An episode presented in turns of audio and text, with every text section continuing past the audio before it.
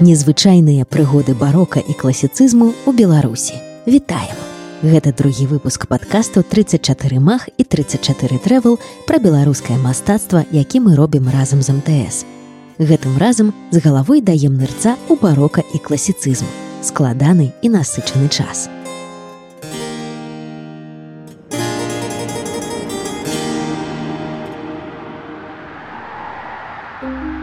18 стагоддзя. Тэрыторыя Беларусі ўваходзіць у склад рэчы паспалітай. Каралямі яе два разы запар становяцца кіраўнікі саксоніі, Аўгуст другі і трэці. У гэты час з дрэздана на нашай землі прыязджае шмат архітэктараў і дэкаратараў, якія, напрыклад, удзельнічаюць у стварэнні новага замка, каралеўскай рэзідэнцыі ў гродні. А нашы землякі ездзяць вучыцца ў акадэмію мастацтваў у дрэздан большая частка 18 стагоддзя была мірным часам без войнаў. Гэта былі ўраджайныя гады, росквіт эканомікі і гандлю. Працуюць мануфактуры, з'яўляюцца тэатры, моладзь атрымлівае адукацыю ў школах манаскіх ордэнаў. Ну а ў культуры пануе барока. Стыль, які трапіў у рэч паспалітую наўпрост з Італіі. Бо ў краін былі трывалыя культурныя сувязі. Барока праяўляецца ў жывапісе архітэктуры, музыцы, будове палаца паркавых ансамбляў. Барока гэта кантраснасць і дынамічнасць вобразаў, пачуццёвасць і пышнасць формаў, квяцістасць і раскоша. Гэта складаная маляўнічая мова, поўная алегорыі, іншасказанняў і знакаў. Гэта бунт супрацьсерцыяналізму ў мастацтве. Барока імкнецца стварыць у гледача прасторавыя ілюзіі, нагадаць пра чароўныя і паказаць віртуозныя здольнасці архітэктара ці мастака якімі былі асаблівасці барока ў беларусі табе напэўна сустракаўся тэрмін віленская барока лічыцца што родапачынальнікам стылю быў йоган глаубіц адзін з найбольш запатрабаваных архітэктараў 18 стагоддзя. Ён удзельнічаў у рэканструкцыі і будаўніцтве новых дамоў у вільні пасля разбуральных пажараў.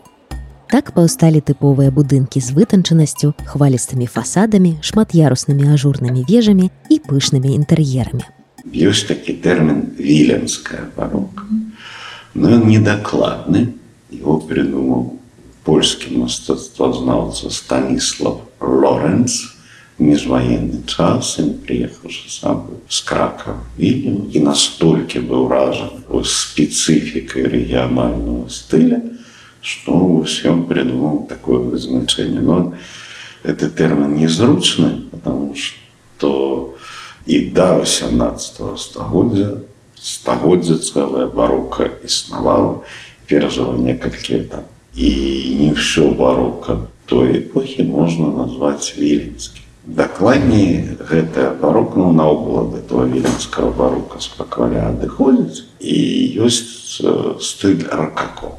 Что такое эпоха ракако? Это прыкладна 30 гадоў праіснаваў з конца двадцатых гадоў 18 стагоддзя прыкладна до 60 а паралельна ему в адначасе існаваў стыль власна позняга барока моя настаўніца тамара граблюсь прапанавала назваць его сармацкі Сармацкая барока з'явілася як проціпастаўленне класічнаму барока у якім пагоня за пастаяннай зменай ўражанняў паступова прывяла да шаблоннасці. Таму манаскія ордэны суворых законаў, езуіты, бернардыны, цыстарыянцы, францішкане вяртаюцца да простасці і манументальнасці. Іх кляштары пазбаўленыя знешняй дэкаратыўнасці, на іх няма скульптур яны не злоўжываюць роспісамі. Манастыры ператвараюцца ў цэлыя міні-гарады, дзе надаюць увагу ландшафту і архітэктурнаму ансамблю ў цэлым архітэктура тады наогул лічылася галоўным мастацтвам. Пад яе ствараліся і жывапіс і скульптура і прадметы інтэр'еру. У архітэктуры Беларусі ў 18 стагоддзі развіваліся дзве асноўныя школы. Расказвае Сергей Харэўскі. Існавалі две школы это полацкая, езуіцкая, полацкім калегіуме, архітэктары родам з розных краін езуіты.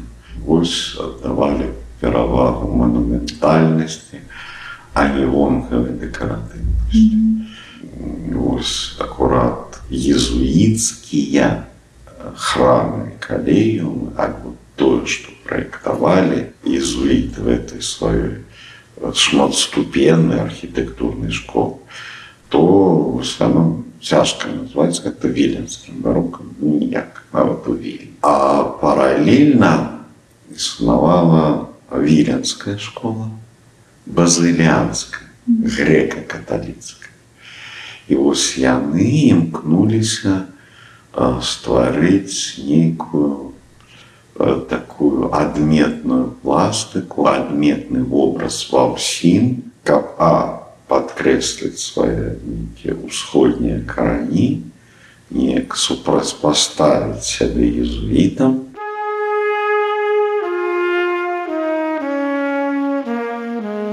Ва ўсходняй Еўропе адным з першых будынкаў стылю барока стаў нясвійскі касцёл езуітаў. Яго яшчэ ў самым канцы 16 стагоддзя пабудаваў італьянскі архітэктар Джавані Бернардоні. Некаторыя нават называлі касцёл першым барочным храмам за межамі рыма. Але нас зараз цікавіць больш познее афармленне яго інтэр'еру. Унутры касцёл пакрыты пышным сюжэтным і дэкаратыўным роспісам. Класічныя шматколерныя барочныя роспісы тут спалучаюцца з манументальна-дэкаратыўнай размалёўкай у тэхніцы грызайль. Яна была неверагодна папулярная і называлася пад оптыку Гэта ілюзорная імітацыя архітэктурных і скульптурных малюнкаў, якая часам выкарыстоўвалася нават у драўляных касцёлах. У хроніцы нясвійскага калегіума коротко паказана, што ў 1750 годзе князь Михаил Казімір Рыбанька загадаў абнавіць касцёл і ўпрыгожыць увесь інтэр'ер. Кіравалі гэтай справай у 1750-х годах прыдворныя мастакі радзівілу ксаверы і дамінік ескія, а заняла ўся праца добры дзясятак гадоў. Такім чынам заходзім унутр і трапляем у царства позняга барока. Толькі перад паездкай удакладні, ці завяршылася ўжо рэстаўрацыя. У дэкоры ілюзорныя антычныя калоны і каляровы роспіс галоўнага нефа і купала. Усяго тут прыкладна 40 кампазіцый. Яны звязаныя з тэмай алтарнай карціны тайная вячэра і дапаўняюцца сцэнамі са старога і новага запаветаў. Тут можна ўбачыць, як анёлы трымаюць ахвярныя ягня, як правадыр нябеснага войска архангел Михаил падымае агністы меч на дэманаў, як сустракаецца саламон з царыцай саўскай. Ёсць некалькі алегарычных сцэн, пакланення чатырох кантынентаў або апафеоз каталіцкай царквы. Яна прадстаўлена як маладая жанчына ў блакітным адценні з папскай тыярай на галаве і кубкам у руцэ. Алегорыі наогул часта выкарыстоўваліся ў мастацтве 18 стагоддзя. Гэта значыць, што абстрактныя паняцці справядлівасць, любоў, міласэрнасць маляваліся ў выглядзе прадмета або жывой істоты. Нават складаліся адмысловыя даведнікі, каб мастак і глядач дакладна дасягнулі ўзаемаразумення. Алегорыі звычайна бралі з антычнай міфалогіі або біблейскіх гісторый. Але сваю ролю гравы кантэкст. Напрыклад, сава магла быць і сімвалам мудрасці і сімвалам ночы. Так сузіранне карціны пераўтваралася ў разгадванне рэбуса. Па эмоцыях гэта магчыма было блізка да таго, як мы цяпер глядзім кіно, напружана чакаючы паваротаў сюжэту.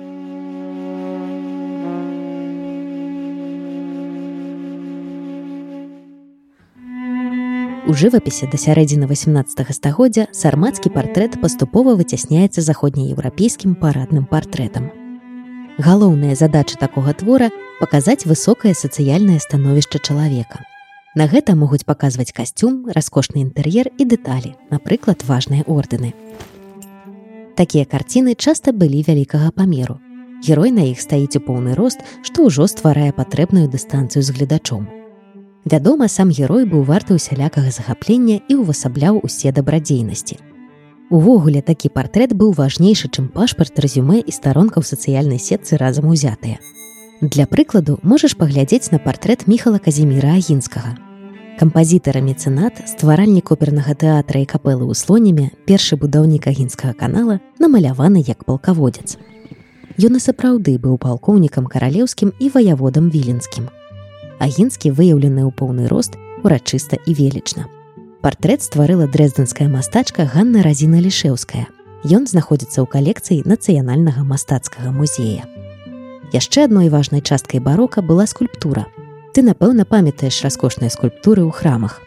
Пра такую скульптурную групу з нацыянальнага музея нам распавяла Любоў Сысоева, вядучы навуковы супрацоўнік аддзела старабеларускага мастацтва. Гэта скульптуры з кобрынскага касцёла, святая Тэрэза Авельская і архангел Михаил. І вот глядзя на эти произведения гледзячы на гэтыя творы мы можам казаць пра асноўныя рысы мастацтва барока імкненне да пышнасці параднасці урачыстасці скульптура драўляная але яна пакрытая залатымі і сярэбранымі фарбамі эмацыйнасць вобраза кантрасты і супрацьпастаўленні тут вельмі ярка і добра чытаюцца архангел михаил вялікая фігура чорт под яго нагамі маленькая фігура яны ўвасабляюць добро і зло. Заўважныя рэзкія ракурсы і барочны дынамізм галава павернутая ў адзін бок ступні ў іншы ён напісаны ў руху Мастацтва барока ў першую чаргу было закліканае ўразіць сваёй прыгажосцю, пышнасцю, параднасцю і ўрачыстасцю. пышнасцю, параднасцю і торжественнасцю.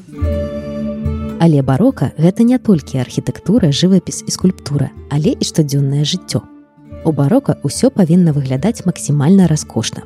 Нават мэбля становіцца творам мастацтва і прызначаецца не так для практычных мэтаў, як для ўпрыгожвання інтэр'еру Гэта канапы і фатэлі, абабітыя дарагой тканінай, велізарныя ложкі з балдахінамі, ляпніна з пазалотай і расліннымі ўзорамі, фрэскі на столях. Дэкаратыўна-прыкладное мастацтва, тое, што мы цяпер назвалі прадметным дызайнам, наогул перажывае росквіт і ствараюць гэтыя шэдэўры інтэр'еру мануфактуры.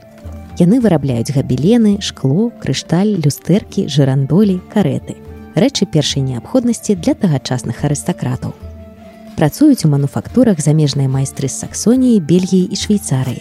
А створаныя імі тавары карыстаюцца папулярнасцю ў еўропе. Вось толькі два прыклады. У целяханах працуе мануфактура па вырабе масянджу. Гэтае слово азначае фаянс і ўтварылася ад словазлучэння месенская парцаляна а ў слуцку ткачы армяне з персіі робяць знакамітыя паясы на якіх насамрэч намаляваныя не васількі а гвоздзікі